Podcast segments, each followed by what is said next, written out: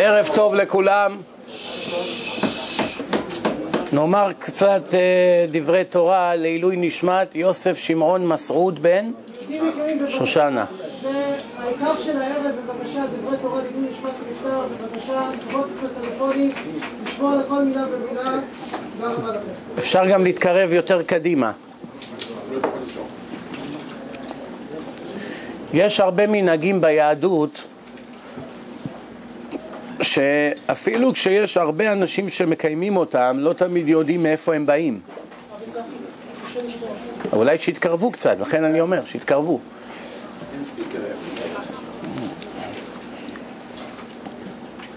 למשל, יש הרבה אנשים שנפטר להם מישהו במשפחה, אז הם יושבים שבעה.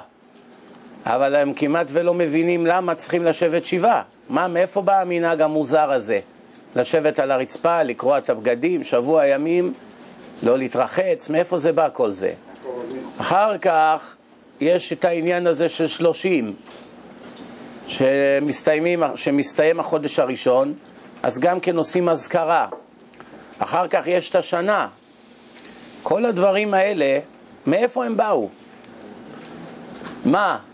האם פעם אחת ישבו איזה ועדה של אנשים, של רבנים, של יהודים, לא משנה מי, והחליטו להמציא חוקים איך לכבד את הנפטר? איפה זה בא כל זה? התשובה, כל מה שעושים, הכל, מבלי יוצא מן הכלל, המקור שלו בתורה. אין שום דבר שישבו והמציאו. אין כזה דבר הלכה שישבו אנשים או חכמים והחליטו על דעת עצמם, בואו נמציא את החוק הזה כי כך צריכים. כל דבר ודבר שישבו והתוועדו וקבעו דין, כל הדינים, המקור שלהם בתורה. למשל, כשאדם נפטר, לא עלינו, הזוהר הקדוש, שזה תורת הסוד של עם ישראל, לפני 3,320 שנה, 3,321 שנים, עמדו מיליונים של עיוורים, צאצאי אברהם העברי. למה קראו לו אברהם העברי? שהוא היה מעבר אחד של העולם, וכל העולם היה עובד אלילים. והיה אדם אחד שהבין בכוח השכל, לפני שהייתה לו התגלות. בכוח השכל שלא יכול להיות שהאלילים האלה יש בהם כוח, כל אחד עובד איזה אליל אחר, את השמש, את הירח, את הכוכבים, פסלים, חיות וכולי, והוא התחיל לדבר בשפתו לאותו בורא אף על פי שלא ידע מי הוא. וככה זה נמשך שנים, עד שהבורא ראה שהאדם הזה הוא היחיד בכדור הארץ שראוי שידבר איתו ויטיל עליו משימות. אבל לפני שהוא הטיל עליו משימות וברך אותו, הוא נתן לו עשרה ניסיונות. עשרה ניסיונות אברהם אבינו עבר. כמו שהתורה אומרת, ויהי אחר הדברים האלה והאלוקים נישא את אברהם. קח נא את בנך יחידך אשר אהבת את יצחק, ולך לך אל הר המוריה. קח את הבן היחיד שנתתי לך אחרי 99 שנים של חיים, לך תהרוג אותו. זה ניסיון, זה לא פשוט. כל הניסיונות שהתנסה בהם אברהם אבינו, הוא לא צייץ ציוץ אחד. שום תלונה, שום קושייה, אני לא מבין, הבטחת לי שביצחק יקרא לי זרע, איך עכשיו אני אהרוג אותו, כולם יצחקו עליי ועליך, איזה מין אלוקים אתה, הרי כל השנים הבטחת לי זה, אליעזר לא יירש אותך, אחד שיצא ממך יירש אותך, ועכשיו אתה אומר לי להרוג אותו, שום דבר. או שיום אחד אומר לו, עזוב את כל העושר שלך, עזוב את המקום כאן ות... ולך לך. לך לך אל המקום אשר הרקע. לאן? אל תשאל שאלות, לך. אני כבר אראה לך לאן ללכת. מה עם כל הכבוד? עשרים שנה בניתי את עצמי פה בעיר, כולם משתחווים לי, נשיא אלוקים אתה בקרבנו, הכל הלך. לך עכשיו תתחיל במקום חדש, אף אחד לא מכיר אותך. בקיצור, אברהם אבינו התנסה בעשרה ניסיונות, עבר את כולם, והקדוש ברוך הוא ברך אותו. לזרעך אתן את הארץ, ואחר כך בנו יצחק, ואחר כך יעקב. ואברהם היה נקרא אברהם העברי, וכל מי שיצא ממנו באופן טבעי נקרא עברי. וגם השפה שלנו נקראת עברית. זה המקור, בתורה אברהם העברי. ומה כתוב על אברהם בתורה? אהבתי את אברהם, תחת אשר שמר את מצוותיי, חוקותיי ותורותיי. ונתתי לו את התורה שלי, אברהם כבר היה לו חלקים מהתורה לפני שעם ישראל קיבל אותה. ולמה? כי ידעתי אשר יורישה לבניו. ידעתי שהוא לא יתרשל. כל מה שאני מלמד אותו, הוא ילמד את בניו, וכך היה. וזה הבסיס של כל שלושת הדתות. אברהם, תזכרו, הוא הראשון בעולם שפרסם את האמונה באל אחד, מונותואיזם, אמונה באל אחד. עד אז כל אחד האמין בכל מיני שטויות. מאותו יום כולם הבינו יש בורא אחד לעולם, זהו. מה תכלית החיים? עוד לא יודעים. עוד מעט יגלו. כשהתורה תתקבל, אז ידעו מה תורה מלשון הוראה. יום אחד עומדים מיליוני עברים בהר סיני, 3,321 שנה. מתי זה? עוד ארבעה ימים. חג שבועות, חג מתן תורה. שבעה שבועות אחרי יציאת מצרים, שזה פסח, עם ישראל עמד באיזה הר, משה הכין אותם שלושה ימים למעמד. בסוף פישלו, בשעות האחרונות נרדמו. לכן יש מנהג עד היום, 3,320 שנה, ערים כל הלילה בשבועות ולומדים תורה. למה? אני נותן לכם תורה ואתם מעיזים לישון? זה ההכנה שלכם ליום הכי גדול בהיסטוריה? עד היום כל עם ישראל, כל מי ששומר מצוות, ער בליל שבועות. למה אוכלים מאכלי חלב בשבועות? לא אוכלים בפסח מאכלי חלב, לא בסוכות, לא בכיפור, לא בראש השנה. למה אוכלים פתאום בשבועות מאכלי חלב? כי כבר הכינו בשר לחג, ופתאום משה הביא תורה, ופתאום רואים בתורה שיש דיני שחיטה. אי אפשר להרוג בהמה איך שרוצים. צריך סכין חלקה, צריך לדעת איפה לחתוך, חותכים את העורקים מיד, יש דינים, בודקים את הריאות, בודקים שאין בבהמה מום, הצמרות שמורות וכולי, יש בזה המון דינים. פתאום הבינו שכל הבשר, מיליונים של דולרים ששחטו, הכל צריך ללכת לפח. היום ששוחטים פרה והיא יוצאת טרף, קוראים לאחמד, אחמד לוקח אותה, שם חלל מיט, מוכר אותה. המוסלמים אוכלים כל מה שנשחט. מום, לא מום, סכין חלקה, לא מעניין אותם, כי אין להם תורה שבעל פה. הם רק הולכים לפי מה שכתוב בתורה שבכתב. ואחר כך הם המציאו ספר שנקרא קוראן, שזה הכל המצאה שטותית. מי שמכם יראה את הסרט שלי יבין, הבאתי לכם פה קצת דיסקים free of charge. תהנו מכל רגע. בכל אופן, אז ככה זה, ככה זה עבד. עכשיו אין למי לתת את הבשר. פתאום התברר שאין מה לאכול בחג. עוד מעט חג, עכשיו לשחוט פרות חדשות, לפי החוקים פה, ייקח כמה שעות, צריך לפשוט את האור, לשים הרבה מלח, שהמלח יפריש את כל השתן ואת כל הדם, כן?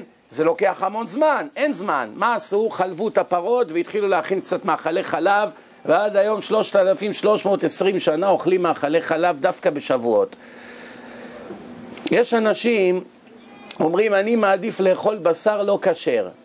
למה? חצי מחיר ויותר עסיסי.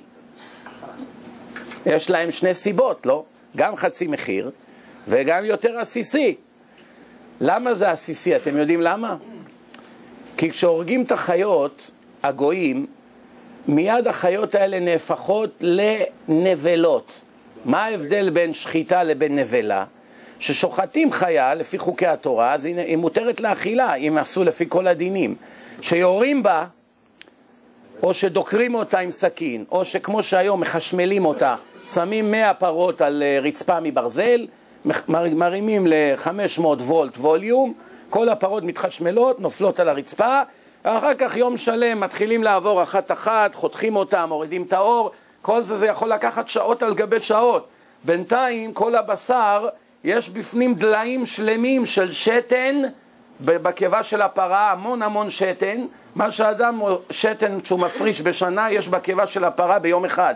זה המון המון שתן, ויש גם המון דם, ממש המון ליטרים של דם. בינתיים כל הבשר הוא בתוך חבילה שלמה של, של דם ושתן, וזה לאט לאט מרכך את הבשר, זה מה שנקרא באנגלית marinated. כל הרעלים והזבל שיש בשתן של הפרה, מכל מה שהיא אוכלת, הכל נספג בבשר, ועל זה מי שאוכל לא כשר עוד מוכן לשלם על זה כסף, אף על פי שזה חצי מחיר. בסדר, אני גם מוכן להביא רעל בחצי מחיר. ואוכל את זה, והדבר הכי גרוע, חוץ מזה שזה מזיק לבריאות, אבל זה כבר פחות חשוב. זה מטמא ומשמיד את הנשמה האלוקית של היהודי. למה? זה נגד חוקי היצרן. יש יצרן, הוא יצר את הפרות, הוא יצר את בני האדם ואמר מה מותר ואיך מותר. ומי שחושב שהוא חכם ועושה את זה בדרכו, עד שיבין, ייתכן שכבר יהיה מאוחר. בכל אופן, בואו נתקדם הלאה. מיליונים עמדו ושמעו את בורא עולם מדבר עם משה. איך אני יודע? אולי מספרים לנו צ'יזבטים. הרי אנחנו לא פראיירים, אנחנו ישראלים. בא מישהו למכור לך, איזה סוכן נכנס אליך לחנות. עשית לו חקירה, לא, לא, לא FBI, FBI, IRS, Secret Service, מוסד, שב"כ, הכל ביחד. 17 פעמים שלחת אותו עד שנתת לו 100 דולר. איך פתאום עכשיו עם שלם קונים את זה, ספר חוקים, שבת, תפילין, מה זה כל זה? יושבים שבעה, חודש, מה זה כל זה, ההמצאות האלה, עזוב אותנו משטויות, תן לנו לחיות, אכול ושתו כי מחר נמות, תהנה מהרגע, ונגמר. נכון או לא? מה, מה אתה צריך לבזבז את הזמן שלך? אני עכשיו בדיוק בא מדינר השנתי של המוזיאון השואה במנהטן. מזמינים את כל עשירי תבל ודלפון כמוני ישב ביניהם. האמת, עשיתי הכל כדי להתחמק, אבל אלה שארגנו את זה, זה אנשים שעשו לי איזו טובה גדולה. לא היה לי ברירה, אז הייתי חייב ללכת מהכרת הטוב. שעה וחצי ישבתי שם, סבלתי. אני לא שייך שם.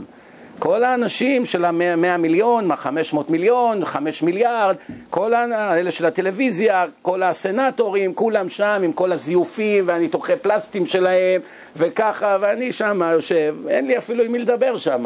אחר כך מהזה, וכל אחד תורם שם 200 אלף, 300 אלף, ואז כשאתה בא לבן אדם ואומר לו, תן לי קצת כסף לדיסקים להציל קצת יהודים, אוקיי, כך חי. ככה זה עובד. ככה זה עובד, מאה אחוז, מאה אחוז זה בדוק ומנוסה. אותם אנשים שנותנים מאה, מאתיים אלף, הם בסוף יגידו, אוקיי, we'll send a check, מגיע 36 דולר וארגז תפוזים מהפארם שלהם. כן, תפוזים שעולה 5 דולר, בזבזים לך את הזמן ללכת לדואר, להביא את הארגז, ככה זה עובד. בכל אופן, בואו נחזור רגע לעניין. אולי באמת הכל בלוף. בסרט שהבאתי לכם פה, זה נקרא תורה ומדע, DVD, החלק הראשון, שעה ראשונה, אני מוכיח לא מאה אחוז, מאה מיליון אחוז, שוודאי אין שום צל של ספק שעם ישראל עמדו בהר סיני ושמעו את משה מדבר עם בורא עולם. אין צל של ספק, אני חוזר פעם שנייה ושלישית, לא שיש אולי אחוז ספק, אין צל של ספק. איך אני כל כך בטוח? פשוט מאוד. בתורה מתוארים מאה ניסים שכל אחד מהם הוא נגד השכל. דם, צפרדע, קינים, ערוב, דבר, שכין, מכת בכורות, הרבה. והים נפתח, והיהודים עברו, והמצרים טבעו, כל בכור נפל פתאום מת במצרים, מיליון איש נפלו מתו בדקה. כל מיני דברים, פתאום יורד לחם פופקורן, שלג של לחם מהשמיים. כולם מרימים מהרצפה, אוכלים, תענוג, איזה טעמים. כל מיני דברים שהיום זה נשמע כמו עליבאבא וארבעים השודדים, כן? או הגנב מבגדד. סתם סרט, מה זה? זה, זה סתם עלילות. כמו שבארץ אומרים אגדות המקרא, באלף. אגדות. סתם, כמו שייקספיר, לומדים גם אגדות המקרא. אולי הם צודקים. עכשיו תראו, או שהם צודקים או שאני צודק. אם הם צודקים, אז הדתיים הם הפראיירים הכי גדולים בהיסטוריה. אין להם לא עולם הזה כביכול, מוותרים על כל מיני דברים וזה, שאסור, אסור, אסור, וגם אין להם בסוף עולם הבא, עבדו עליהם. אבל אם אני צודק, כל השאר אבודים. אני לא, הם אבודים, אני לא. מתי הם יהיו אבודים? ביום שהם יסגרו את העיניים, אז הם יבינו לאן הם הולכים. אז עכשיו בואו נראה רגע מי צודק. אם הם צודקים, אני מצטרף אליהם עכשיו, נאכל מקדונלד ביום כיפור, אין בעיה. ואני משלם את הביל גם. ואם אני צודק, אז אולי הגיע הזמן להתעורר סוף סוף. עד מתי נחיה בבלוף? אז ההוכחה הראשונה, בסרט הזה יש לפחות 30 הוכחות מדעיות שאף אחד עוד לא יכל אדם להתווכח איתי כבר 16 שנה. יש לי ברוך השם מעל שני מיליון צפיות בפייסבוק לבד בחודש. שני מיליון, אתם מבינים מה מדובר פה? ופה ושם מישהו שולח קצת קושיות, מיד אני מתרץ לו אותם ומיד הוא נכנע. אפילו מושל מדינת ניו יורק ישב איתי שלוש שעות פה ב Main Street והתווכח איתי והוא פרופסור להיסטוריה והוא הודה בסוף. זה שעכשיו בחדשות כולם מדברים עליו אבסי. שר האוצר של מדינת ניו יורק אמר לי מודה, התורה היא אך ורק מבורא עולם. עד היום אף אחד לא ידע להסביר לי את זה. הלוואי שהייתי יודע את זה לפני 40 שנה. אמרתי לו, עוד לא מאוחר, אתה עוד חי. מה הוא אומר לי, אני כבר אבוד, אשתי גויה, הילדים שלי גויים. עכשיו הבנתי שמצבי אבוד. אמרתי לו, אתה עוד לא אבוד, כי אתה עוד חי. אפשר עוד קצת לתקן חלק, חצי, רבע, משהו. אפשר לחזור בגלגול, להמשיך לתקן אחר כך. אבל תתחיל. אז הוא התחיל בדברים מסוימים לעשות, אבל זה לא מה שהשם אמר. מה קרה שהוא השתכנע? פשוט מאוד. כשבאים לקבוצה של חילונים, אומרים להם, רבותיי, אני רוצה שהיום כולכם תהפכו לשומרי מצוות, כולם. שבת, תפילין, כשר, הכל. מה אומרים לי? מכבדים אותך, עזוב אותנו, חיה ותן לחיות. איך אומרים? אה, איש באמונתו יחיה. לא כתוב איש בתורה, כתוב צדיק, אבל הפכו את זה לאיש, שזה יתאים. איש באמונתו יחיה. כתוב בתורה צדיק באמונתו יחיה. בכל אופן, תשמעו טוב. עכשיו, בתורה הם מתוארים בני הניסים שכל אחד מהם נגד כל הסיכויים. שבאים לקבוצה של אנשים, אומרים, רוצים שכולכם תהפכו לדתיים. כולכם.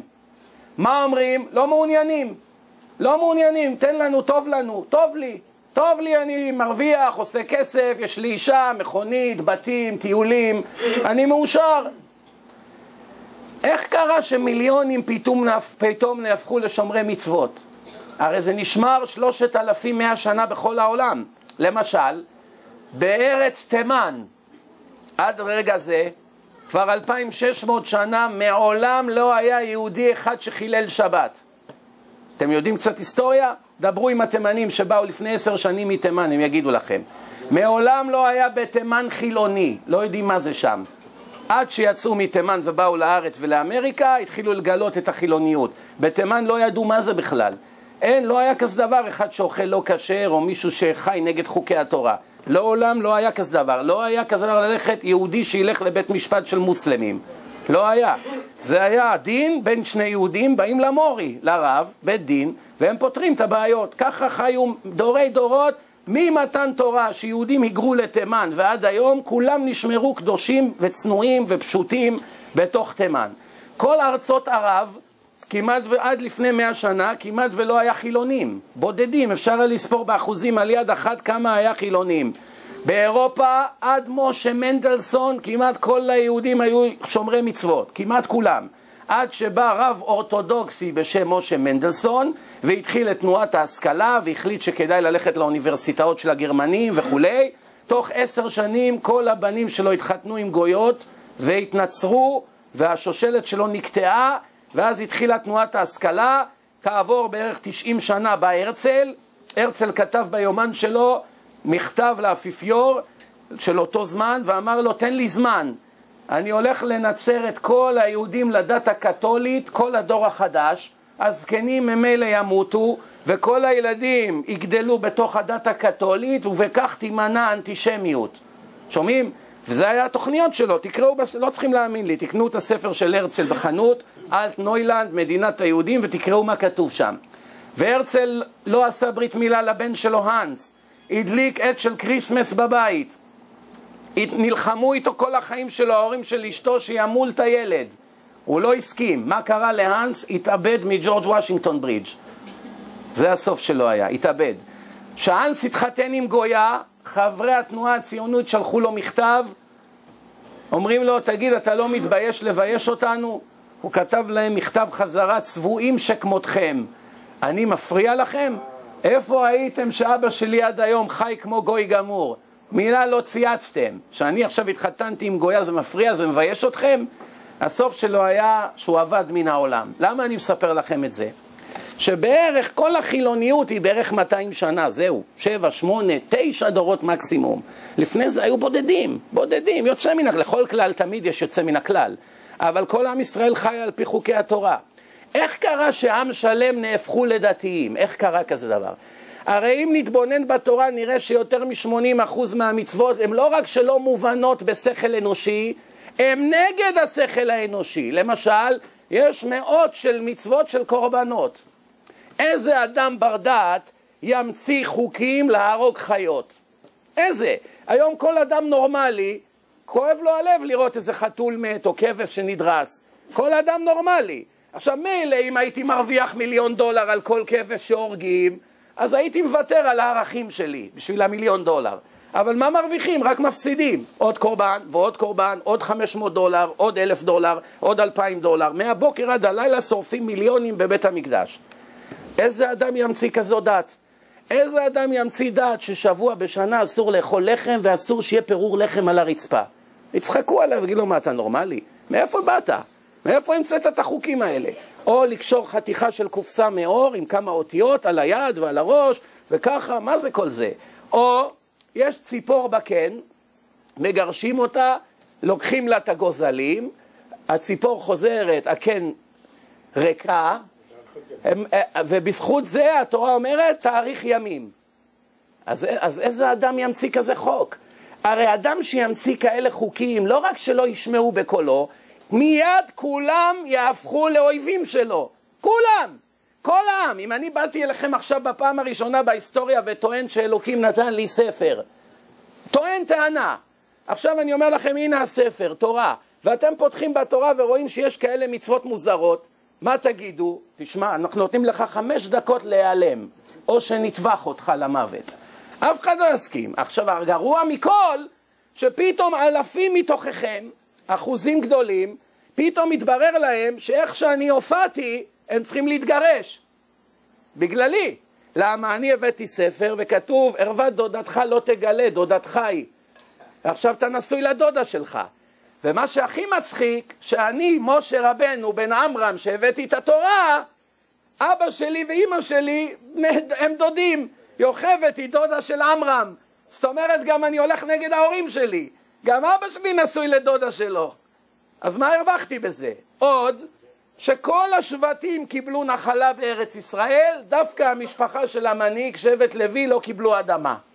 כל מנהיג היום, איך שהוא מקבל את הכיסא של המלכות, הדבר הראשון שהוא מסדר זה את הילדים שלו. את הדודים, את החברים, זה מקבל ג'וב, זה מקבל אדמה, זה מקבל חלקה, זה טבע העולם. קדאפי 80 מיליארד דולר, מובארק 100 מיליארד דולר, השח הפרסי 40 מיליארד דולר, סדאם חוסיין 40 מיליארד דולר. והנה, פה, משה רבנו, שום דבר, לא אדמות, פתאום קוראים בתורה, הוא כותב על עצמו שהוא מגמגם. אם יבוא בלופר ויביא ספר, הדבר האחרון שהוא יכתוב בתוך הספר על עצמו שהוא מגמגם והוא נענש, לא נכנס לארץ, הבנים שלו לא ירשו אותו, לא קיבלו מלוכה, שום דבר. רק כותב על עצמו דברים שליליים. איפה יש כזה דבר? ראיתם פעם מילה אחת נגד מוחמד בקוראן? מוסלמי שרק יצייץ נגד מוחמד, הראש שלו יהיה תלוי במייסיס בחלון. או נוצרי שיגיד משהו נגד יושקה. שום דבר, מי יעז להגיד נגדם כזה דבר? למה? כי הכל שם בלוף. בבלוף מטייחים את כל הדברים הלא נעימים מתחת לשטיח. אבל התורה מלאה בלשון הרע על המנהיגים. דוד המלך, ספרים עליו דברים לא כל כך נעימים. משה, אותו דבר. אהרון, עגל הזהב. אם האדם נוכל היה כותב את זה, הוא לא היה מעולם כותב כאלה דברים על אבותיו. חוץ מזה, איזה אינטרס יש לו? אם אני בלופר ואני מביא ספר בגלל שאני רוצה שכולכם תהיו משרתים שלי ותיתנו לי צדקה, כי אני רוצה להיות המנהיג, להיות הבוס, הייתי מביא לכם דת מאוד קלה. ארבע, חמש מצוות, תנו לי רק אחוז צדקה מהכסף שלכם, לא עשרה או עשרים אחוז, אחוז, רבע אחוז בשנה, להתפלל פעם בחודש שתי דקות, זהו. אז מי היה רוצה להיות חילוני עם כזאת דת קלה? שום דבר לא צריך, תנשק את המזוזה פעם בחודש, תעשה שתי דקות תפילה, תן, אני יודע מה, מאה דולר בשנה צדקה, מה אתה עוד רוצה? מה שאתה רוצה תאכל, הכל בסדר, הנה כולם נשקים לי את היד, כן אדוני, מאה אחוז. מה מביא להם? 613 מצוות, אסור, מותר, אסור, תיזהר, יישמר לך, מות יומת. למה? איזה בלופר יעשה כזה דבר? הוא יורה לעצמו ברגל. והחלק הכי מעניין, שעכשיו התחילו לקרוא את התורה עם ישראל, מה הם רואים? שכתוב שכולם, כל אלה שעומדים פה עכשיו, שמעו את אלוקים ואת משה מדברים. עכשיו, אני לא מעוניין להיות דתי. הוא לא מעוניין, הוא לא מעוניין, אף אחד פה לא מעוניין. אנחנו לא רוצים עכשיו פתאום להיות משועבדים לאיזה ספר חוקים. כולם רוצים להיות חופשיים. בא איזה אדם טוען טענה שאלוקים נתן לו ספר. אם אני יודע במאה אחוז שבורא עולם נתן לי ספר הוראות, הרי צריך להיות אטום כדי להתעלם מהוראות של זה שנותן לי חמצן. מי יעז לעשות כזה דבר? למה אנשים היום חילונים? כי אין להם גרם של ידע ביהדות, כלום, אין להם מיליונית אחוז ידע ביהדות. אני עד היום 16 שנה כבר דיברתי עם אין סוף אנשים, ומעולם לא מצאתי חילוני אחד שקרא את התורה בעיון פעם אחת אפילו בחיים. אפילו פעם אחת. נאומים יש להם במיליונים נגד התורה. קרידיסייז, קוטלים את הרבנים, את החוקים, את ההלכות, צוחקים, עושים תיאטרון בובות, ככה סולדים מהדת וכולי, אבל הם בכלל לא קראו את התורה פעם אחת, לא יודעים מה זה, לא יודעים מה זה עולם הבא, לא יודעים מה זה חיי הנצח, לא יודעים מה זה מנסה השם אתכם, כל רגע אתה בניסיון, לא יודעים מה זה עין רואה ואוזן שומעת וכל מעשיך בספר נכתבים, שום דבר. לפעמים אני מדבר פעם ראשונה, אני רואה את החבר'ה הצעירים, העיניים שלהם יוצאות, עמומים, באים אחרי ההרצאה, תמשיך, תמשיך, מה כבר שלוש שעות, תמשיך, לא, זה מעניין. מעולם הם לא שמעו כלום. עכשיו, אלה מתחתנים עם גויות, עושים קעקועים, עושים כל מיני עבירות, והם בכלל לא מודעים שכל רגע בחיים שלהם זה טעות. כל שנייה מהחיים שלהם הם נגד ההוראות של היצרן. ובסוף, בסוף צריכים לתקן את כל מה שמקלקלים, זה הבעיה. עכשיו בואו רגע נסכם את מה שאמרתי. ברגע שהעם פתחו את התורה וראו שכתוב שכולם שמעו את משה מדבר עם השם, מספיק שיהודי אחד היה מרים את היד, אומר סליחה אדוני משה, אנחנו מכבדים אותך, אתה אדם נחמד, אבא שלך היה עמרם, איש חשוב, אבל אנחנו מחילה, אתה שקרן, אתה שקרן. למה אני שקרן? אתה אמרת שאלוקים נתן לך את הספר הזה? כן. כאן כתוב שכולנו, מבלי יוצא מן הכלל, שמענו אותך ואת בורא עולם מדברים. יש כאן מישהו ששמע את בורא עולם מדבר, שירים את היד.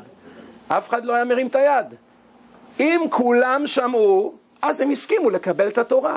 מספיק שהיו ארבעה חמישה מתוך שלושה מיליון שהיו מרימים את היד, אומרים סליחה אדון משה, אני פה כבר כמה שעות ולא שמעתי את קולו של בורא עולם מדבר איתך. כתוב משה ידבר והאלוקים יעננו בקול. אלוקים עונה לו בקול, כולם שומעים את הקול. למה כתוב בתורה והאלוקים יעננו בקול? האלוקים יעננו, בשביל מה צריך לכתוב בקול? מבינים איך עונים לבן אדם? שלא יבואו האפיקורסים, אלה שמעוניינים להשחית את הדת ויגידו, אה, אתה יודע מה היה שם? זה היה הצגה אחת גדולה. משה העמיד את כולם, אמר, רגע, רגע, ש, אלוקים מדבר איתי, שקט, תנו לשמוע. אוקיי, שמעתי. אוקיי, ריבונו של עולם, חכה, תן לי, אני אגיד להם. אוקיי, אלוקים אומר לי ככה, אלוקים אומר לי ככה. ברגע שאלוקים מדבר בקול, אי אפשר לבלף. ואתם יודעים, משה רבנו לא היה לו בדיוק את הוליווד, אולפנים, להמציא עכשיו במדבר איזה סיפור יפה, להביא קולות מהשמיים, זה לא היה אז. התשובה היא פשוטה, זה רק על קצה הקרחון. את כל השאר תראו בדיסק, מי שמכם באמת מעוניין לדעת מה תכלית החיים, יש לו את כל התשובות בדיסק אחד. דיסק אחד, הכל יש לך שם. זה, למה צדיקים סובלים ורשעים חוגגים? איך יש לנו בחירה אם הקדוש ברוך הוא כבר יודע את העתיד? כל השאלות שאתם שואלים, כל החיים שלכם, הכל בדיסק אחד. רק בואו נסכם כמה דברים שהתחלתי איתם. למה יושבים שבעה? הזוהר הקדוש, שגם כן קיבלנו אותו בהר סיני, רק הוא נכתב אחרי הרבה שנים, בתקופת רבי שמעון בר יוחאי, 1300 שנה אחרי. רבי שמעון בר יוחאי התחיל להכתיב אותו לתלמידו רבי אבא, וככה כתבו את הזוהר. והזוהר יש בו את כל סודות העולם, והזוהר הוא ניתן לבודדים. רוב החכמים, אלה שמלומדים בתורה, לא יכולים לגשת לזה בכלל. זה אולי אחד מאלף בקושי, יש לו את הנשמה בשביל ללמוד סוד. לא כל חכם יכול ללמוד את זה. זה אנשים יחידי סגולה שמתעסקים בזה. ושם כתוב ככה, כל שבעה ימים מפטירת האדם, הנשמה הולכת הלוך וחזור מהבית אל הקבר. שבעה ימים, אפילו שכבר הגוף כוסה באפר, בזמן הלוויה שכולם בוכים וצועקים, הנשמה רואה הכל. כי הנשמה היא שהיא נשלפת מהגוף, היא נשארת לרחף מעל הגופה. ואיפה שהגופה לא הולכת, אפילו באמבולנס וכולי, לבית חולים, הנשמה נשארת מעל הגופה. לאט לאט היא קצת קצת מתרוממת, ואחר כך יש כאלה שחוזרים לחיים, יש זה מה שנקרא מוות קליני. ואף על פי שעל פי חוקי הרפואה, אדם שמת שש דקות וחוזר לחיים, אז הוא אמור להיות צמח, כבר לא יכול לזכור כלום. יש בימינו בעולם, בדור הזה, מיליוני מקרים, לא אחד, שניים, מיליוני מקרים של אנשים שמתו יותר משש דקות, חזרו לחיים אפילו אחרי ארבעים דקות, וזוכרים הכל, ומתארים במשך ארבעים דקות כל מה שקרה במקום של הגופה, מתארים כל מה שקורה בבית חולים, בכל חדר וחדר בפרטי פרטים, כל מה שהיה, כל רופא שנכנס, כל דבר שכתבו בפנקס, הכל הם מתארים. ואחר כך הולכים ובודקים, הם גם יודעים מה יש מעל התקרה. הוא אומר לך, תראה, אם תפתח את המנורה הזאת, תראה למטה חוט צהוב, למעלה חוט צהוב מנותק. פותחים את המנורה, רואים איך הוא ידע. בקומה שלישית יש נעל של טניס בחלון, לכיוון ההייווי. הולכים לזה, פותחים, אדוני, תן לבדוק, מרימים את החלון, רואים שם נעל. איך, איך ראית את כל הבית חולים בחמש, עשר דקות?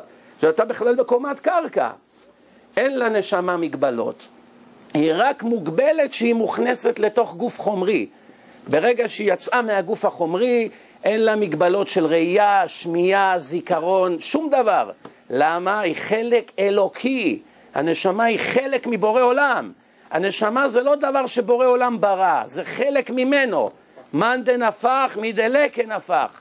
זה שנפח את הנשמה, הרי כתוב בתורה, וייצר השם אלוקים את האדם עפר מן האדמה. ויפח באפיו, בנחיריים, כמו שמנפחים בלון, ויפח באפיו נשמת חיים, ויהיה האדם לנפש חיה. שלושה שלבים. קודם כל בונים כמו בובת חול, אחר כך מנפחים חלק מתוך, הנש... מתוך אלוקים, שזה נשמה אלוקית, ואיך שהיא נכנסה בגוף, האדם זז, מדבר, רואה, מבין, מוח, הכל מקושר. ואיך המוות? בספר קהלת כתוב ככה: והגוף ישוב לעפר כי ממנו לוקח, והנשמה תשוב לבעליה כי הוא נתנה. אומרת התורה שבעל פה, מה זה הנשמה הזאת שהקדוש ברוך הוא נפח? חלק מתוכו, וזה החיות של האדם, והחלק הזה חוזר למעלה. עכשיו תדעו דבר אחד, התורה אומרת דבר שלכאורה הוא קצת תמוה עד עד שלא מסבירים אותו. כתוב מותר האדם מן הבהמה עין. אין לאדם, לאדם שום יתרון על הבהמות. הבהמות עולים על בני האדם בכל, בכל הטריטוריות. יותר מהירים, יותר חזקים, פחות מחלות, פחות... אין להם שום דבר. מה שלנו יש, אין להם, אין להם את כל הסבל הזה שלנו. רק מה? מלבד הנשמה הטהורה, שהיא עתידה ליתן דין וחשבון לפני הקדוש ברוך הוא. אני שואל שאלה, ממה שכתוב בתורה, היתרון היחיד שיש לנו, בני האדם, על החיות, זה שיש לנו נשמה שתגיע לשמיים ויהיה לה משפט. כמה זמן המשפט? שנה. למה אומרים קדיש על הנפטר שנה? למה כל התקופה הזאת של האבל שאסור לשמוע מוזיקה, חתונות, למה זה שנה? אבא שלך, אימא שלך, אח שלך, בן שלך, לא עלינו, עכשיו עומד בבית דין של מעלה ואתה רוקד בחתונות כמו איזה גוי? אין לך כבוד לאח שלך, לדוד שלך, לכל, סליחה, לאבא שלך, לשבעה הקרובים? מה קורה איתך? אז אנשים שלא יודעים, אז מזלזלים, אומרים, אה, שטויות, מה, אחי נפטר כבר לפני שלושה חודשים, מה, עכשיו אני לא אשמע מוזיקה? מה, עכשיו אני לא, לא? אבל אם הוא היה מבין שזה ככה עובד, אז בטח שהוא, לא היו צריכים להגיד לו בכלל. הוא לא היה מסכים. אז למה הוא עושה? מבורות, כי הוא לא יודע מה זה אמת. אין לו אמת. באלף דלת גורדון לא לימדו את הדברים האלה. הבנתם מה קורה? זה הוא לא למד. אז עכשיו הוא מתנהג איך שבא לו. אבל יש אמת, וכל שאלה שאתם מוכנים, אני מוכן להתווכח איתכם. בפומבי, באינטרנט, בפייסבוק, אנשים מתווכחים. אמרתי לכם, שני מיליון איש בחודש קוראים כל מילה שם. כנסו ל website, לפייסבוק, תראו כמה אנשים שואלים שאלות, ויכוחים, מביאים ראיות, ואני עונה להם לכולם. למה? זה הכל בא מבורות. עכשיו אני שואל שאלה. אם בתורה כתוב שהיתרון שלנו זה שנישפט בסוף, איזה מין יתרון זה? מי רוצה להגיע למשפט? אנשים מוכנים לעשות הכל כדי להימנע ממשפט. עסקת תביעה, זה, מה, לא. העיקר לא לעמוד בפני שופט בשר ודם, שכולם יגלו עליי הכל. אז איזה מין יתרון זה? זה העונש הכי גדול. כתוב מפורש שהעונש הכי גדול בעולם הבא זה הבושה, ששם זה עולם האמת ואי אפשר להחביא דברים מתחת לשטיח. פה אפשר להסתדר, פה ושם, אבל שם זה עולם האמת. אז איזה מין יתרון זה? כתוב בתורה, מותר זה מלשון יתרון, מותר מלשון יתרון. היתרון היחיד שיש לאדם, שיש לו נשמה והוא עתיד ליתן דין וחשבון. מה זה, איזה מין דבר זה? עדיף להיות נשר, לעוף, לטייל בעולם, בש... בשעה אחת הוא רואה את כל כדור הארץ בחינם, לא צריך לשלם אלפיים דולר לטיסת אל על בפסח לארץ, הוא בשנייה מגיע, יש לו אוכל, מים, מה שהוא רוצה, מה? חיים קלים. לא עובד שלושים שנה למורגג', חיסונים, ילדים, לידות, תשעה חודשים, עשר שנים כל ילד לגדל אותו, מאה אלף דולר לקלג' כל ילד. אין לו את כל זה. חיים פשוטים, שימפנזה, קופץ בג'ונגל, משחק, שוחה, יש לו 17 נשים. מה? לא, אז מה, תגידו, אז איזה מין יתרון יש?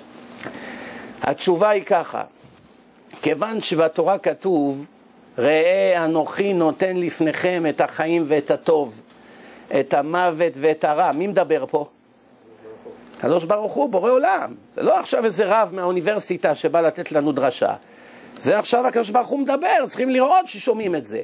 ככה כתוב, ראה אנוכי נותן לפניכם היום את החיים ואת הטוב, את המוות ואת הרע, ובחרת בחיים. תבחר בטוב, אתה יכול גם לבחור ברע. למה אני לא מעניש אותך מיד? אם כל אדם שעושה עבירה מיד ייענש, מיד התבטלה הבחירה, אין לאדם בחירה, אז מה, כולם רובוטים. הראשון שהדליק סיגריה בשבת התפוצץ למיליון רסיסים. חבר שלו אמר, אה, מקרה, הסיגריה היה במשהו לא בסדר. לוקח סיגריה אחרת, מדליק, גם הוא מתפוצץ. יש עוד מישהו עלי אדמות שיעז להדליק סיגריה בשבת אחרי שני מקרים כאלה? רק יגיע שבת כולם יעמדו דום, אף אחד לא יזוז. משה, למה אתה לא זז? שבת התחיל. לא ראית מה קרה לאלה? טעות שלא נדליק עכשיו איזה חשמל או משהו. אז זה לא חיים אלה, זה לא ניסיון. הניסיון הוא, אתה מדליק סיגריה, שעתיים אחרי זה העורך דין שלך מתקשר, זכית במכרז. בשבת. אה, איזה יופי, אין דין, אין דיין, הדתיים האלה מדומיינים, הכל שטויות. הנה אני גונב, נואף, אונס, רוצח, שלושים שנה נהייתי ראש ממשלת ישראל. והחבר שלי הדתי הזה שחזר בתשובה, נוסע באופניים לישיבה עם ספרים, גר באיזה חדר עלוב, בקושי הוא בא להתחנן אליי, תעזור, אין לי כסף להכניס את הילד לישיבה, ואני האפנדי הגדול, שולט בכל המדינה, אוכל שרצים בשבת, והחבר שלי הצדיק, תראה אותו. מה שהוא לא ידע, האפנדי, שבתורה כתוב ככה: כי מנסה השם אתכם לראות התשמור מצוותיו אם לא. למה? בשביל מה כל הניסיון אם תשמור מצוות או לא? למה הוא מנסה אותי אם אני אשמור או שאני אכשל? מה הניסיון? להטיבך באחריתך, שבסוף, שתיפטר מהעולם, שהנשמה תצא מהגוף ותשוב אליי לשמיים, אז אני אתחיל להטיב לצדיקים. אני אל קנה, מה זה קנה? קנאי על המילה שלו. משלם לאוהביי, לשומרי מצוותיי, לאלף דור. מה עם, מה, מה עם אלה שלא שומרים מצוות? הוא משלם אל, לשונאיו אל פניו להעבידו, לא האחר לשלם לו, אל פניו אשלם לו להעבידו, לא עלינו, חס וחלילה שלא נהיה בקטגוריה הזאת. לא רוצה מרצדס היום, לא רוצה חמש וילות, לא רוצה חליפות של עשר אלף דולר וג'ט סקי ואוכל של מלכים, לא רוצה מוזיאון השואה, עומדים עם הפפיון וכל השואו-אוף הזה, לא, לא מעוניין בזה. למה? זה רק שלושים שנה, וזה נגמר כהרף עין. רוצה מיליארדים של שנים של עונג, אבל לא עונג מדומה, שבמילא נמאס ממנו אחרי יומיים. עונג נצחי אלוקי. מה כתוב בתורה? שימו לב טוב, אם תיקח אל כל תענוגות העולם הזה של כל בני האדם שחיו פה אי פעם, כל הדורות, כל האנשים, יהודים, גויים, נשים, גברים, ילדים, ספורט, כסף, נשים, אני יודע מה, אוכל, טיולים, מה שאתה רק רוצה. כבוד, דמיונו, הכל ביחד, חבר. לא ישווה לשכר של יהודי צדיק שעה אחת בעולם הבא. איפה זה כתוב? יפה שעה אחת של קורת רוח בעולם הבא מכל חיי העולם הזה. הכל ביחד. רבותיי, צריכים לדעת, הגמרא דיברה הרבה על העונשים של הרשעים בגיהנום, לא עלינו. ובקושי, בקושי, מדובר כמה משפטים על מה שיהיה לצדיקים. ממש בקושי. שואלים חז"ל, אין השוואה שווה. אתה רוצה להגיד 150 פסוקים על גיהנום, תגיד 150 פסוקים על גן עדן. למה 150 או אולי 500 פסוקים על הגיהנום, שלושה פסוקים על גן עדן?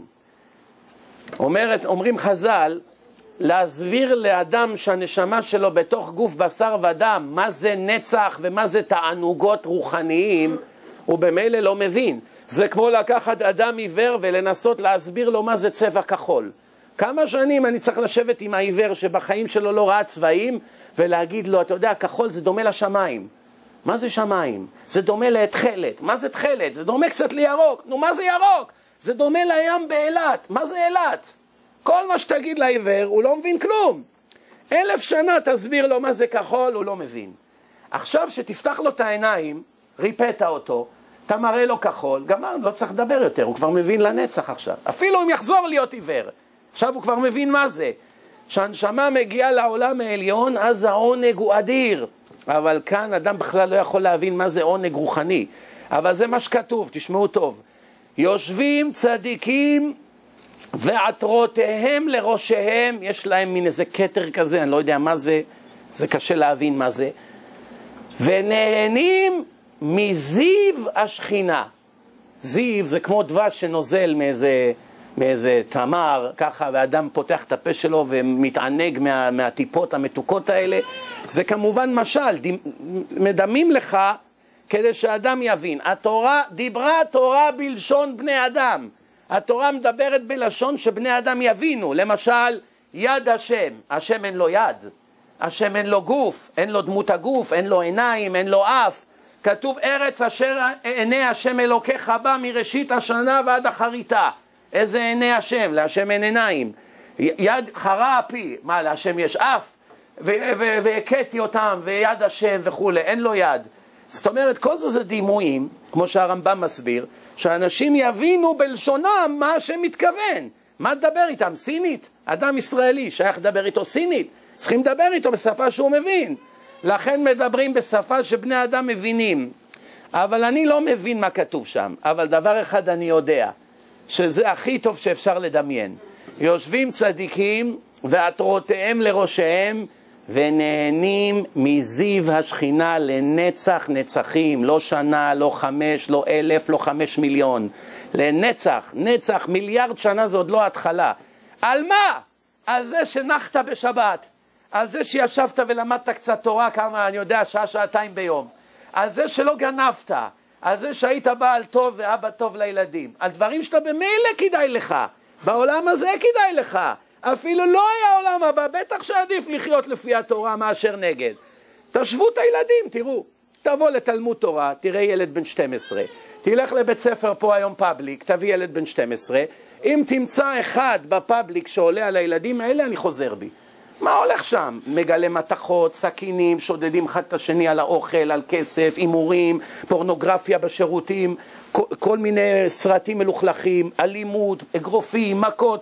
אתם יודעים, אני יש לי כתבה בארץ, 30 אחוז מהחילונים בארץ דואגים כל יום מאוד שהילד הולך לבית ספר. היו מעדיפים לא לשלוח את הילדים לבית ספר בכלל, רק אין להם ברירה. למה? כל יום הילד חוזר עם פנס חדש בעין. מרביצים לו, מקללים. אתה שולח ילד טוב מבית טוב לשם, תוך שבוע הוא נהיה פושטק מסכן. הוא שומע את כל הקללות שם, הוא רואה, יש, יש חצי מהכיתה גויים, מזרע עמלק, שהביאו אותם עכשיו מרוסיה, זאתי פרוצה, זה, זה סרסור, זה בן של זה, זה ככה, זה חצי יהודי, זה חצי גוי, זה... ככה הכל מעורב, ואתה שם את הילדים שלך שם, אין להם שום הבנה, בורא עולם, דת, אמת, כל היום טלוויזיה, כל היום קללות, כל היום חוסר צניעות, אנשים מתלבשים ערומים, אין כבוד אחד לשני, אז מה אתה מצפה? מה אתה רוצה מהמסכן הזה? עכשיו הוא נהיה בן 20, זה בית סוהר, זה נרקומן, זה סמים, זה הולך עם המכנסיים שלו בחוץ, חצי ישבן ברחוב. זה המציאות שלנו היום. בנים של הקדוש ברוך הוא הידרדרו לכזה שפל, והכי גרוע, שהם לא מרגישים, אני יודע שחצי מכם יושבים ואומרים, מה המדומיין הזה מדבר? על מה הוא מדבר? אנחנו אחלה חיים יש לנו. הרמח"ל כותב אחד מגדולי המקובלים. יש שני סוגי אנשים. הראשון חי בחושך, והשני חי בחושך. אז למה קוראים לזה שני סוגי אנשים? זה סוג אחד, זה בחושך וזה בחושך. מדובר על חושך רוחני. הראשון גילה שהוא בחושך, זה ההבדל. שניהם בחושך היום. הראשון הבין שהוא בחושך. מה ההבדל? אני אסביר לכם מה ההבדל. שני אנשים חולים במחלה, לא עלינו. אחד היום נבדק ואמרו לו, יש לך את זה. השני לא הלך להיבדק, אז הוא לא יודע. שניהם נוסעים לשחק גולף בקיסריה. אחד יושב מדוכא במכונית, והשני מוזיקה, שירים, ככה פותח את הגג, סיגר, משקפי שמש, טון של שומן בשערות, מגיעים עם הפוזה שלו וזה. ההוא רוקד, שר, מבסוט, והשני מיואש, נו תן מכה, לא, אין לי, עזוב, אתה... לא, מה קרה? עכשיו, כשנסתכל מבחוץ, תראה את זה, איזה מדוכא מסכן, ותראה איזה אדם מאושר. מי יותר מסכן? מי יותר מסכן? זה ששר. למה? זה שגילה את הבעיה שלו, יכול להיות שלושה חודשים לצאת ממנה לנצח.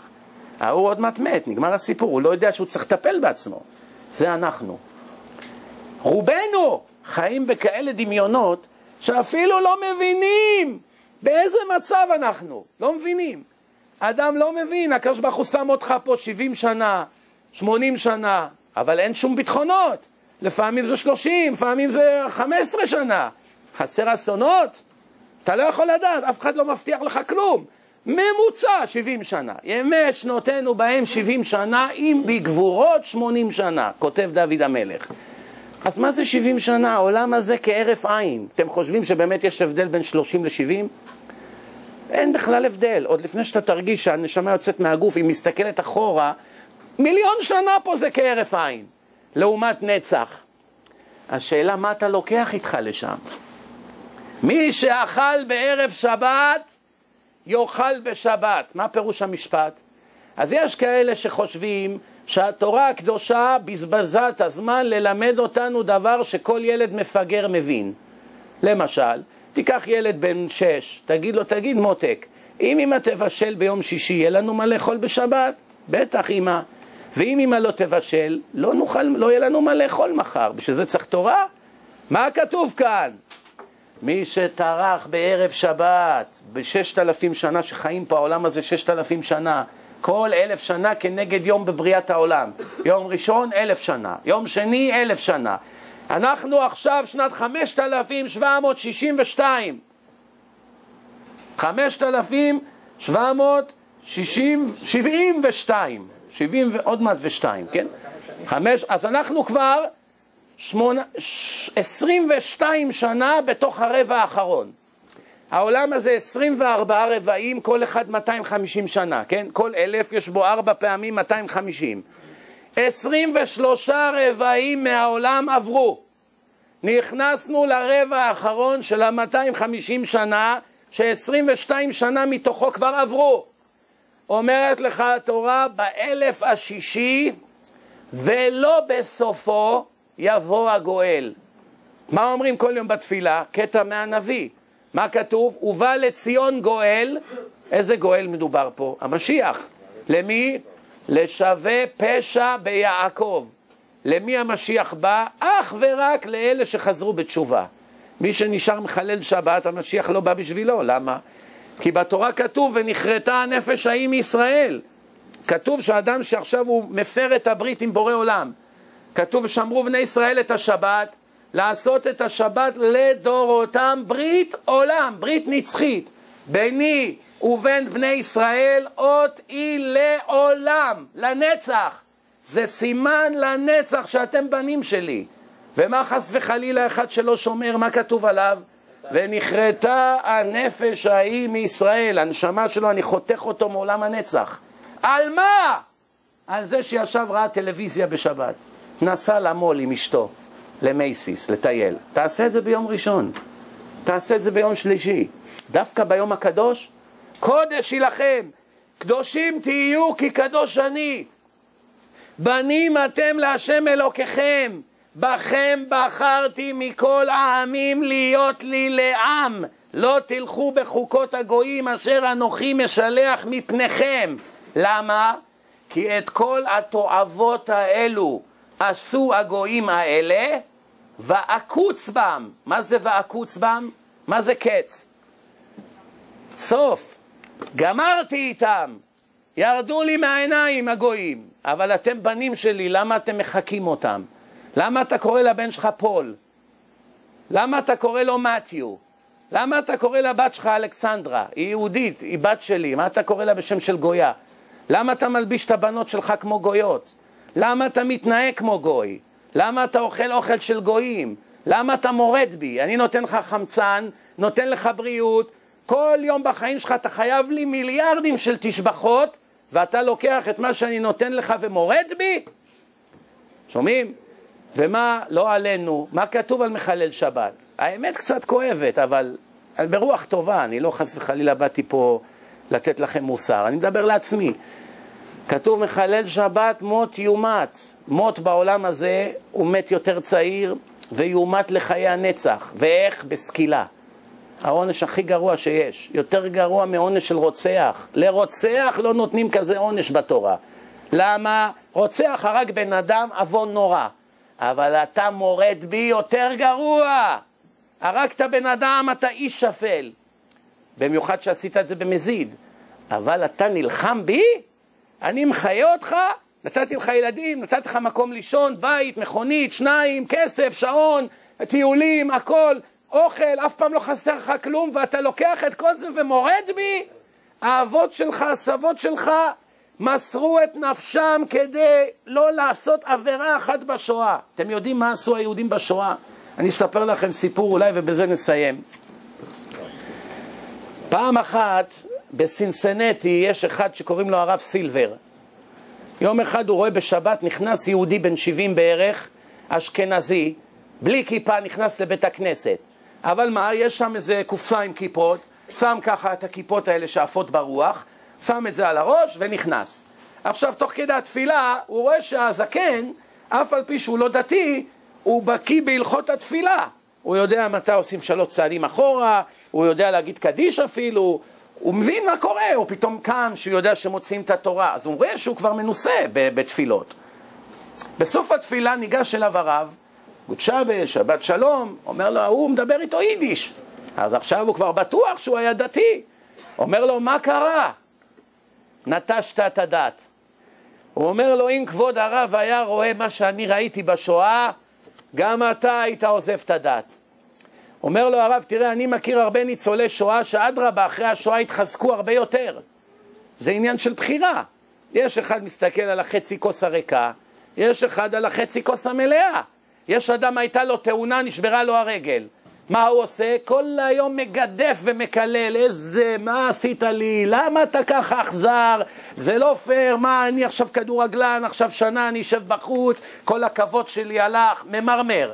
חבר שלו שגם כן נשברה לו הרגל, השתבח שמו, איך הצלת את חיי, איך יצאתי בזול, סך הכל גבס, איזה נס עשית לי. אותו מעשה. אחד אומר תודה, אחד מגדף. כל דבר. אחד עכשיו הרוויח מיליון דולר, אוף, למה רק מיליון? הייתי צריך להרוויח שבע. למה עשית לי ככה? השני רוקד, מה אתה רוקד? אומר לו, מה אתה אידיוט? הרווחנו מיליון דולר בשבוע.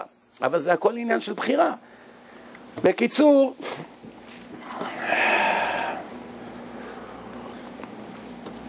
אז הרב סילבר ניגש אליו, הוא מדבר איתו יידיש. אומר לו, מה קרה? אומר לו, אני אספר לך מה קרה בשואה. אומר, אנחנו היינו עומדים 17 שעות בשמש, בימים של הנאצים לא היה עבודה בשבילנו, אז היו מעמידים אותנו סתם כל היום בשמש, והיו מתעללים בנו. זאת אומרת, אם מישהו היה זז, היו יורים בו. עכשיו, מישהו שירו בו, אלה שנשארים לעמוד, אסור להם להסתכל. חייבים לעמוד ככה. אם מישהו מסתכל, גם בו יורים. וכ... וכל היום פרוסת לחם אחת בבוקר, וזהו. עכשיו הוא אומר, אני עמדתי שורה ראשונה, והחבר שלי מאחריי לוחש לי באוזן, פישל, פישל. אני אומר לו, מה? אומר, עוד חמש דקות שקיעה, עוד מעט חושך. אז אני לוחש לו, נו, אז מה עכשיו שקיעה? מה? שבע בערב, עוד מעט חושך. נו, מה, כל היום אנחנו עומדים משחמש בבוקר. אומר לו, עוד לא הצלחנו להניח תפילין היום. עוד כמה דקות כבר נפסיד את המצווה. זה מה, הוא 17 שעות, על מה רק חושב כל היום? שלא יעבור יום בחיי ואני לא אניח תפילין. למה? הוא יודע שכתוב בתורה, קרקפת, מה זה קרקפת? קרקפת. דלא מנח, מנח תפילין, נקרא פושע ישראל בגופו. קרקפת של יהודי שעבר יום אחד והוא לא שם על עצמו תפילין, הקדוש ברוך הוא מכריז בעולם העליון, זה הבן שלי פושע ישראל. מי רוצה שיקראו עליו בבית דין של מעלה פושע ישראל? על שתי דקות. תפילין ואומר שמע ישראל, על זה הוא נהיה פושע. שלא לדבר על הדברים האחרים. בקיצור, ההוא דואג 17 שעות שבטעות הוא לא יפספס את המצווה. עכשיו הוא מספר, תראו איזה סיפור מדהים, מדהים, הסיפור הזה מדהים. אומר לו הפישל הזה לרב, במחנה איפה שאנחנו היינו, היה זקן אחד שהצליח להבריח זוג תפילין למחנה. את התפילין של כולנו לקחו בחיפושים, והוא איכשהו הצליח להבריח. והזקן הזה היה איש רע מאוד. הוא לא נותן לאף אחד להניח תפילין בחינם. או שאתה נותן לו פרוסת לחם, או סיגריה, או חצי סיגריה שהרמת מהרצפה, או אני יודע מה, תפוח אדמה, או קצת קליפות של תפוחי אדמה. שופטים, עורכי דין, רופאים, מנהלי בנקים, פוליטיקאים, מארמונות בברלין התחילו לאכול קליפות של תפוחי אדמה על זה שהיה 80% התבוללות באירופה. איזה מחיר שילמנו ועדיין לא למדנו. וכולם, אה, איפה היה אלוקים בשואה? קראת מה כתוב בתורה? פרק שלם מזהיר על שואה וגם מסביר מתי היא תבוא. וכל מה שכתוב שם קרה, במקום לראות את האזהרות, מה אומרים? איפה היה אלוקים בשואה? בכל מקרה, תשמעו טוב מה הוא אומר לו. הוא אומר לו, הזקן, הזקן לא רוצה עכשיו לתת לאחד להניח תפילין, כי כבר לא נשאר לו מה לתת. אומר לו, תשמע, לקחת ממני הכל, מה אתה רוצה שאני אתן לך? אין לי יותר כלום, לא סיגריה, לא תפוח אדמה, לא שום דבר. כולם אומרים, תן לו להניח, תן לו להניח, מה, אתה תיתן לו לעבור יום בלי תפילין? אין לו, אומר לו, לא, לא, אם אני אתחיל עם זה עכשיו, גם אתה תרצה, גם אתה תרצה בחינם. אין בחינם. בקיצור, ההוא מספר עכשיו לרב פישל, אומר, הייתי ככה, אמרתי, אני רואה שהדת זה ביזנס, אני עם הדת גמרתי. אם זה ביזנס, אני גמרתי עם הדת. אומר לו הרב סילבר מסינסנטי לאותו אחד, אומר לו, ישמעו אוזניך מה פיך הטיפש מדבר. עשרות יהודים מסכנים, נוצות ברוח הם עפים, שלדים, חמש בבוקר עומדים בקור, בחום, כל שנייה הם עומדים לקבל כדור בראש. עומדים בתור, נותנים את הפרוסת לחם האחרונה שלהם כדי לא לפספס יום אחד תפילין. לא למדת מהם כלום. אין, לא מסירות נפש, לא אהבת השם, ואהבת את השם אלוקיך בכל לבבך, בכל נפשך ובכל מאודיך, שום דבר לא למדת מהם. רשע אחד שהיה כמו הגרמנים, יימח שמם, ממנו למדת הכל כדי להיות כמוהו? מי אתה מספר סיפורים? ומה קרה שם? הזקן הזה לקח לו כמה שניות לקלוט מה קרה פה. הוא פרץ בבכי, זה מעשה שהיה לפני כמה שנים, כמה שנים, זהו. הוא פרץ בבכי ליד כל הבית הכנסת בשבת, אמר לו הרב, אתה צודק, זה הכל תירוצים. הכל תירוצים. אין אף בן אדם בעולם שיש לו קושיות. הכל סתם בלוף אחד גדול. אני אומר לכם מ-16 שנה ניסיון. הכל, אדם קודם כל החליט, אני רוצה להיות חילוני, ציפור דרור, לעשות מה שבא לי. לא יגידו לי מה לעשות, לא יילחם בתאוות שלי, ביצרים שלי, אני רוצה כבוד, רוצה כסף, רוצה נשים, רוצה לעשות מה שבא לי, אף אחד לא יגיד לי איך להתלבש ולהתפלל ולהגיד תודה כל הזמן ולברך ולאכול זה כן וזה לא, זה לא בשבילי, לא מעוניין. שומעים? אז עכשיו, כיוון שהוא החליט לחיות ככה, עכשיו כל יום הוא שם משהו חדש כדי לצ... לתרץ את דרכו. ומה הראיה שאני צודק?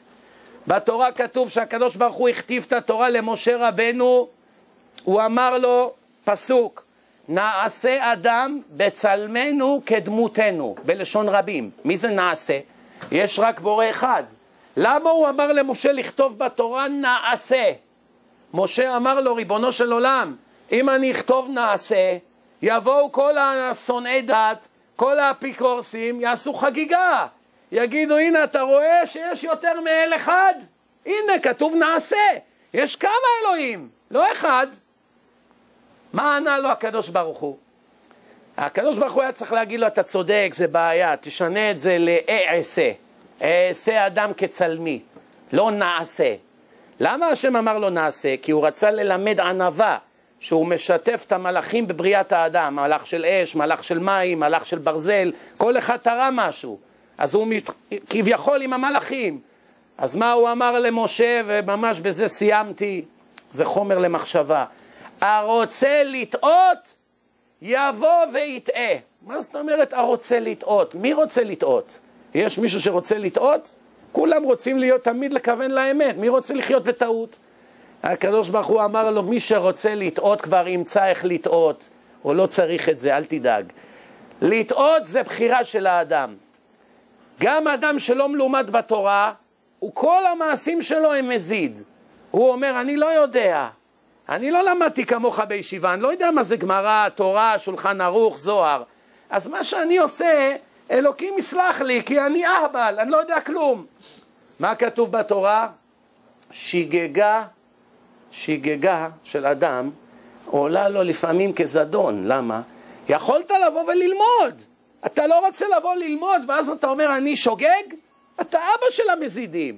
כל יום קוראים לך, בוא תלמד. האינטרנט מלא במיליוני שעות תורה בחודש.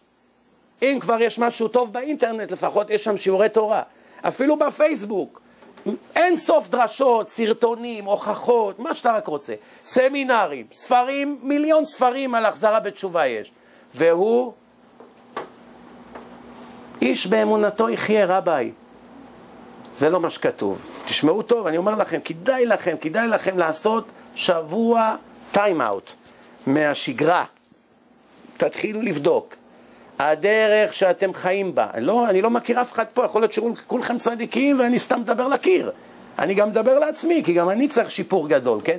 אבל אני רק נותן עצה, הרוצה ליטול, ליטול, מי שלא, בסדר, נכנס פה, יצא שם.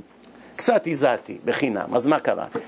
באמת, וגם אני מכבד את זה שאתם יושבים כבר שעה בשקט.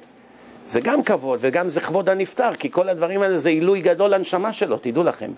כל אדם שישמור כאן אפילו מצווה אחת מהיום עד ממחר והלאה, כל פעם שהוא ישמור את המצווה הזאת, זה יועיל לנפטר. ולאלה שארגנו את האזכרה הזאת, מי ששילם על האוכל ומי שנתן את המקום וכולי. למה?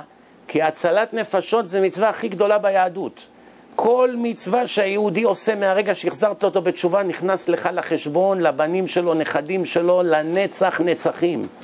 נצח נצחים זה אף פעם לא נגמר. גדול המעשה יותר מן העושה. אם אני משכנע את החבר שלי לתת מיליון דולר להקים ישיבה, ובזכותו הקימו ישיבה ועכשיו לומדים שם ילדים תורה, בשמיים נחשב שאני נתתי יותר ממיליון. חבר שלי מקבל על מיליון, לי נחשב יותר ממנו. על חמש דקות שישבתי על הראש ושכנעתי אותו. אם אני עכשיו דיברתי, וחלק מכם יגידו, אתם יודעים מה? יאללה, מתחילים לשמור שבת. בואו נקנה ספר, הלכות שבת למתחילים, נתקשר מחר לרב, נשאר, ניקח את הדיסקים, יש לי כאן הרצאה על שבת. כל מי שישמע את ההרצאה הזאת, אני בספק גדול אם יעז אי פעם לחלל שבת. אם תראו מה זה חילול שבת, לעולם לא תסכימו לחלל שבת. כל המחללי שבת זה אך ורק, זה לא מרוע, זה לא מכלום, זה רק מבורות. למה? אם הייתי בא אומר לאחד מכם, אני מוכן לתת לכם מיליון דולר על כל תינוק בן שנה שתיקחו ותטביעו אותו בתוך האגם, כל תינוק שתהרגו, אני סופר לכם מיליון דולר מזומן. מה, מה תגידו? איזה חצוף, לא מתבייש, תראה איך הוא מדבר. מה קרה? אני מציע לכם מיליון דולר על ראש. קח עכשיו תינוק יהודי, תכניס לו את הראש בתוך המים, יצאה הנשמה, בוא אליי, יקבל מיליון דולר. יש מישהו שיעשה את זה? כנראה שלא. האם ידעתם, אני יודע שזה קשה מה שאני אומר פה, אבל זה בדוק, אתם יכולים לבוא ולהתווכח איתי על זה. האם ידעתם שעשרת הדיברות הולך מהכבד אל הקל? אנוכי השם אלוקיך, זה הכי חשוב, בלי אנוכי השם אין כלום. מה אחרי זה? לא יהיה לך אלוקים אחרים, תיזהר לא לחשוב שיש עוד אחד. מה השלישי? צריך לכבד אותי, תיזהר לא להישבע בשמי, שבועות שקר, להגיד סתם את השם שלי כאילו אני חבר שלך מהטירונות. ומה הרביעי? אז בעצם כל השלושה הראשונים זה אחד. יש השם אחד וצריכים לכבד אותו. זה בערך אחד, כל השלושה הראשונים. ומה הדיברה הרביעית? שמור את יום השבת לקדשו. ששת ימים תעשה מלאכתך וכולי וכולי, וביום השביעי שבת להשם אלוקיך.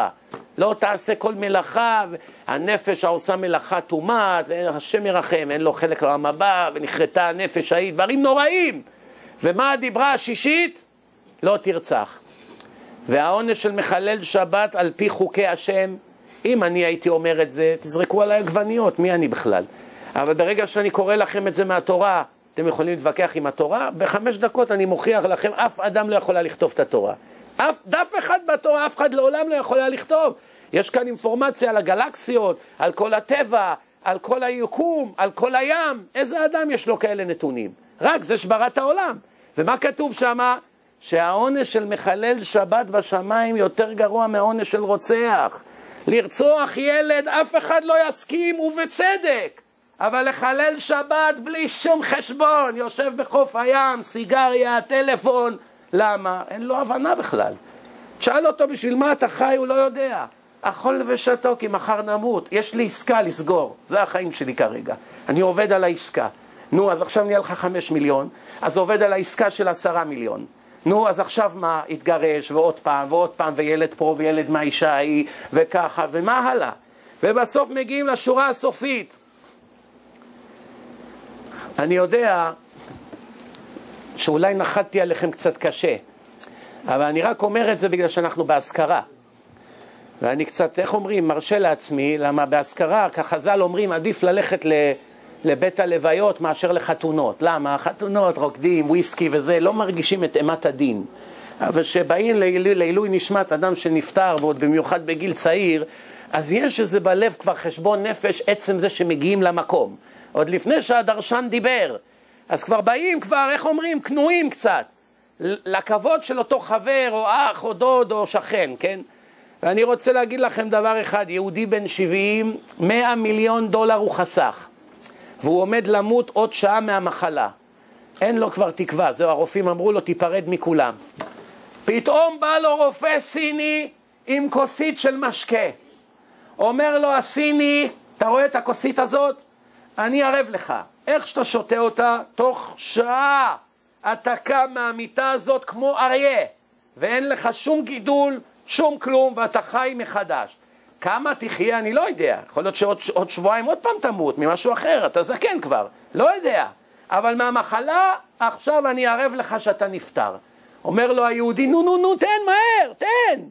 אומר לו, מה זה פה? זה ביזנס. שבע שנים לקח לי להמציא את הנוזל הזה. אני ביררתי שיש לך 100 מיליון דולר.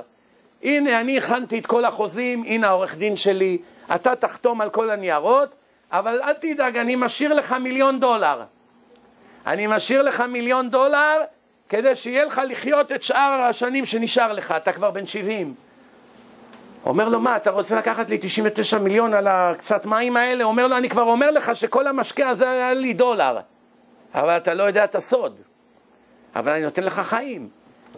אין לו ברירה, חתם. חתם שאתה את המשקה, קם מהמיטה. אני שואל שאלה, כמה הוא נתן עכשיו בשביל הכוסית הזאת? חמישים שנה של חיים הוא נתן ברגע כדי לחיות אולי עוד יום, אולי עוד שבוע, לא יודעים, זה חתול בשק, לא יודעים, הימור, הימור, אולי עוד שעה במילא ימות מהתקף לב, זה כן כבר, מה, יודעים מה יש לו? שמעו טוב, האדם עבד חמישים שנה, הרג את עצמו, עבודה, מובינג, פסנתרים על הגב, מקררים, בא, כל הגוף שלו גמור, שלושים שנה עובד, הכל ביזניס, פתח חברה, פתח מחסנים, הלך, בתי משפט, שותפים, FBI, ברח לארץ, נכנס ממקסיקו כמו גנב, בעיות, אשתו עזבה אותו כי הוא אף פעם לא בבית. מה בסוף? בסוף הגיע לגיל 70, אה, יש לי 100 מיליון דולר בבנק. פתאום השם שלח לו, לא עלינו גידול, עכשיו הוא נתן 99 מיליון כדי לחיות עוד יום. מה יוצא? שאדם מוכן לתת חמישים שנה בשביל לקבל עוד שבוע, עוד יום.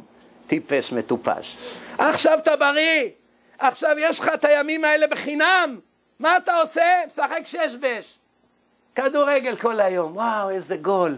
איזה טמבל אחד בעט בחתיכת אור, הכדור נכנס לתוך הרשת, בוכים, צורכים, נופלים על השטיח, מתחבקים. מה קרה לך אתה? מה, אתה קוף? זה החיים שלך? שזה נבראת? וואו, ראית איזה צלף? זרקת כדור, וואו!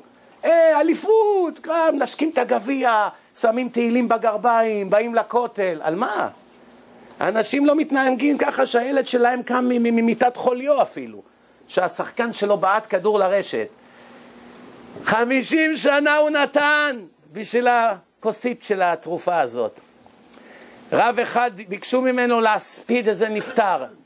הוא בא ללוויה והוא התחיל לדבר בלוויה. יוסלה, היה לו פרארי נדירה בצבע כחול. עבודת יד מהמפעל עשו לו מיוחד. האבא של הנפטר, הוא לא בטוח שהוא שומע טוב. הוא אומר לבן שלו, תגיד לי, אתה שומע מה שאני שומע? ממשיך המספיד, הרב, אומר לו, יש לו שלושה בתים, בברלי הילס, אולד וסטברי, גרייט נק. הוא מתווכח בעצמו איזה בית יותר יפה. עכשיו זה בלוויה, כולם יושבים, כל האורחים, כל האנשים. אומר לו, היה לו צהר צבוע לצהוב, עדשות ורודות, ככה במכון כושר, כל יד שלו ברזל, ארבע נשים יש לו, שבע עשרה ילדים, הוא בעל קבוצת כדורגל. אז הקהל איבד את הסבלנות, התחילו לשרוק בוז. בוז, מאיפה הבאת את הרב הזה? באים לאבא, מה אתה מטומטם? מה הזמנת אותו זה? אחרי כמה דקות התחילו לזרוק מלפפונים. אז הרב ככה, אומר, אוקיי, אוקיי, סליחה, בסדר, אני הולך, אני הולך. רק משפט אחרון לפני שאני הולך, וגם אני הולך. משפט אחרון. אמרתי פה משהו שהיה שקר? היה לו שיער צהוב? היה לו. היה לו ארבע נשים? היה לו. קבוצת כדורגל? היה לו. פרארי, בתים. כל ההישגים שלו בחיים מניתי. למה אתם מתעצבנים? כי כולכם יודעים שכל החיים שלכם בלוף אחד גדול. אם זה היה באמת חשוב, הייתם מוחאים לי כפיים. איזה יופי, איזה רב, תראה, הוא מציין את כל ההישגים של יוסלה. כולכם יודעים שזה בלוף. בלוויה של שאול אייזנברג המיליארדר ביקשו מהבת דודה שלו, שניהם ניצולי שואה, לדבר. כל הנשיאים, כל אנשי העסקים, ראש הממשלה, כולם שיבחו את המיליארדים שלו. איזה ביזנסמן חריף, בניינים, בא הראשון שעשה את המיליארד.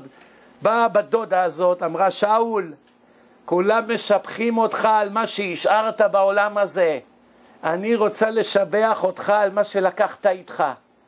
זה התורה שהבעלי והילדים שלי למדו עשרים שנה מהכסף שנתת לנו. זה מיליארדים של מצוות שלקחת איתך לעולם הנצח. וכל הגויים וראש הממשלה והנשיא וכל הפרזידנטים עמדו ומחו דמעה. למה? היא דיברה את האמת. כולם יודעים את האמת, רק לא רוצים להתאמץ להשיג אותה, אבל שווה.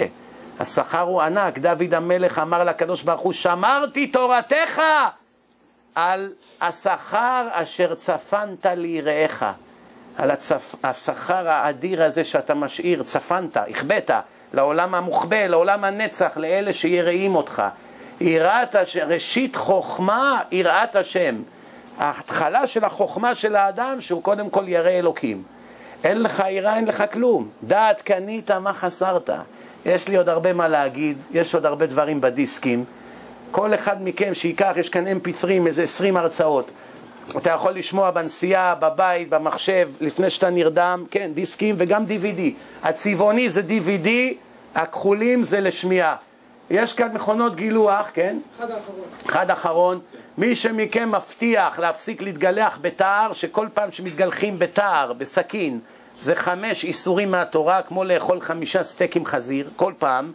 מי שמכם סולד מלאכול חזיר, הנה יש לו מכונת גילוח שמישהו יהודי צדיק תרם, ויקבל את זה בחינם, ובזכות זה יפסיק לעשות עבירות כל יום בגילוח. ברוך אדוני לעולם אמן ואמן. רבי חנן